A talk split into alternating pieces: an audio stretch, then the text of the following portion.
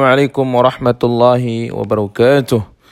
الحمد لله رب العالمين والصلاة والسلام على أشرف الأنبياء والمرسلين نبينا محمد وعلى آله وصحبه أجمعين. أما بعد أيها المسلمون والمسلمات رحمني ورحمكم الله. الحمد لله Allah subhanahu wa ta'ala berikan kita taufik dan hidayah. Kembali melanjutkan bahasan kita dalam kitab Syarh Sunnah oleh Al-Imam Al-Muzani rahimahullahu taala. Terakhir kita menjelaskan akidah Ahlus Sunnah wal Jamaah terhadap para sahabat Rasul sallallahu alaihi wasallam. Sekarang kita akan lanjut qala al-musannif rahimahullah wa la natruku hudhur al-jumu'ah ma'a barri hadhihi al-ummah wa fajiriha lazimun ma kana min al-bid'ati bari'an فإن ابتدع ضلالا فلا صلاة خلفه والجهاد jihadu ma'a إمام عدل أو جائر والحج. wal hajj. Al-musannif taala menjelaskan wala natruku hudhur al-jum'ah. Jangan kita meninggalkan salat Jumat. Al-musannif rahimahullah menjelaskan kewajiban untuk menjaga salat Jumat bersama jamaah dan pemimpin kaum muslimin. Masalah ini telah dibawakan oleh para ulama dalam kitab-kitab akidah. Guna menjaga persatuan kaum muslimin dan menjaga jamaah kaum muslimin. Maka seorang muslim diperintahkan untuk menghadiri Jumat di masjid.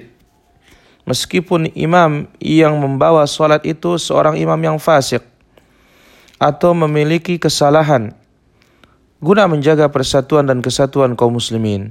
Oleh karena itu, Al-Musannif rahimahullah taala mengatakan setelah itu salatuha ma'a barri hadhil ummah wa fajiriha lazimun ma kana minal bid'ati. Itu salat Jumat kita salat di belakang seorang imam yang baik atau yang jahat untuk menghindari perpecahan. Demikian juga seluruh salat yang lainnya. Dan dikhususkan oleh banyak para ulama salaf solat Jumat dan dua hari raya karena solat-solat yang lainnya tetap kita solat bersama imam.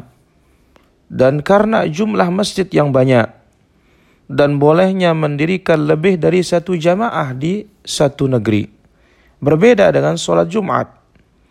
Maka sebaiknya jangan lebih dari satu tempat di satu negeri untuk menghindari perpecahan kecuali kalau sangat dibutuhkan seperti tempat yang begitu jauh dari satu masjid ke masjid yang lainnya atau dikarenakan satu masjid itu tidak mencukupi karena banyaknya jumlah jamaah kaum muslimin.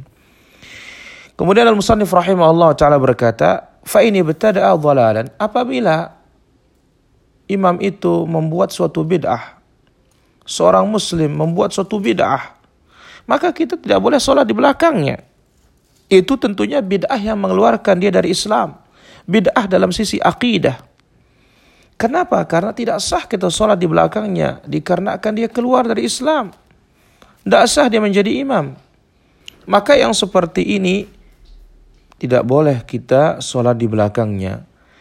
Adapun bid'ah-bid'ah yang tidak mengeluarkannya dari Islam, maka tidak mengapa kita sholat di belakangnya dan terus dinasihati dan terus ditegakkan hujjah sebagaimana dikatakan oleh Imam Al-Hasan Al-Basri rahimahullah taala Sallu wa alaihi bid'atuhu. Salatlah kalian bagi dia bid'ahnya dan bagi kita sunnah yang kita laksanakan.